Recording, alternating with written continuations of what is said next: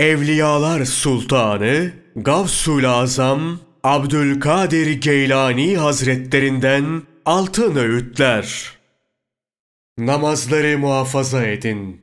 Onlar sizinle Rabbiniz arasındaki sıladır, bağdır. Hazreti Peygamber sallallahu aleyhi ve sellem'den şöyle rivayet olunmuştur. Bir kul namaza durduğu ve kalbiyle Rabbinin huzurunda bulunduğu zaman onun etrafına nurdan otağlar kurulur. Etrafında melekler döner. Gökten onun üzerine iyilikler iner. Cenab-ı Hak onunla övünür.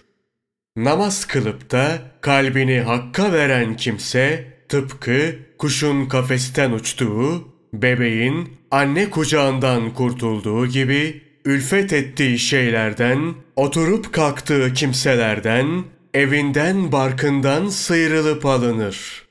Onlar onun gönlünden kaybolur.''